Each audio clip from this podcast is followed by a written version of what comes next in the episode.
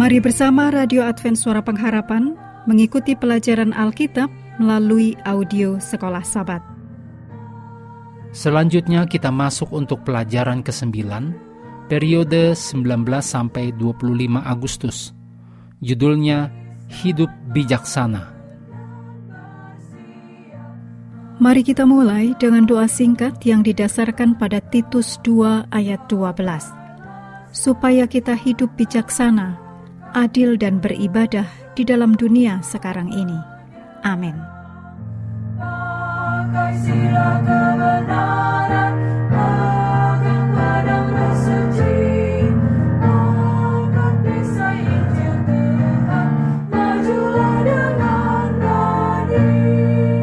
Untuk pelajaran ke-9, Sabat 19 Agustus.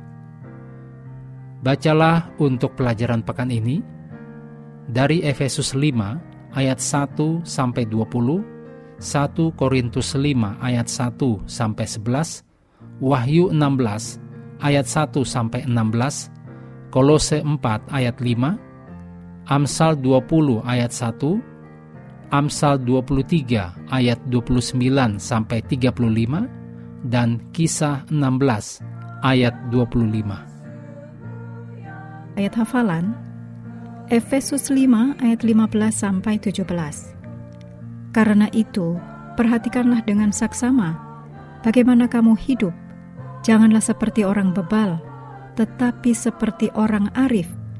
Dan pergunakanlah waktu yang ada, karena hari-hari ini adalah jahat. Sebab itu janganlah kamu bodoh, tetapi usahakanlah supaya kamu mengerti kehendak Tuhan. Beberapa waktu lalu, sebuah kendi kristal dilelang di Britania Raya. Para juru lelang menggambarkannya sebagai kendi claret Prancis abad ke-19.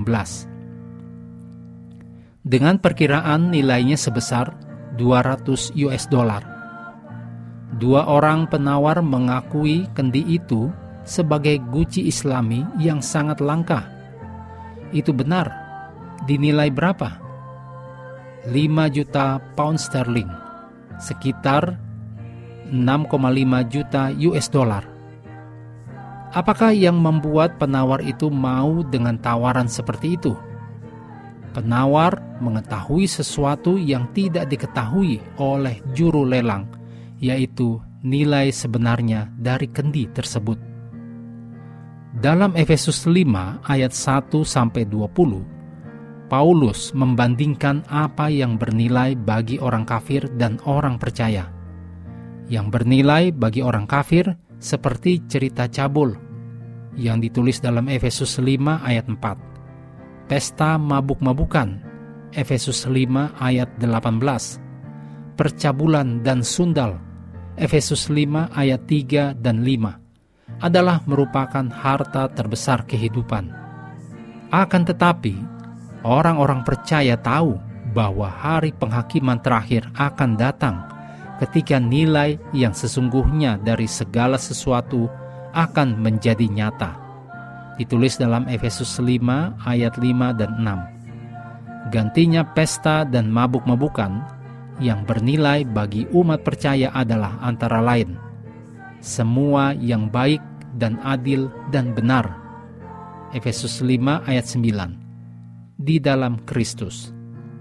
Oleh karena itu, Paulus mendesak umat percaya untuk mengambil hal-hal dalam Kristus pada saat masih hidup di ambang kekekalan. Demikian ditulis dalam Efesus 5 ayat 15 sampai 17. Sama seperti yang kita semua lakukan. Mengakhiri pelajaran hari ini, kami terus mendorong Anda bersekutu dengan Tuhan setiap hari bersama dengan seluruh anggota keluarga, baik melalui renungan harian, pelajaran sekolah sahabat, dan bacaan Alkitab sedunia, percayalah kepada nabi-nabinya, yang untuk hari ini melanjutkan dari Mazmur pasal 105. Tuhan memberkati kita semua.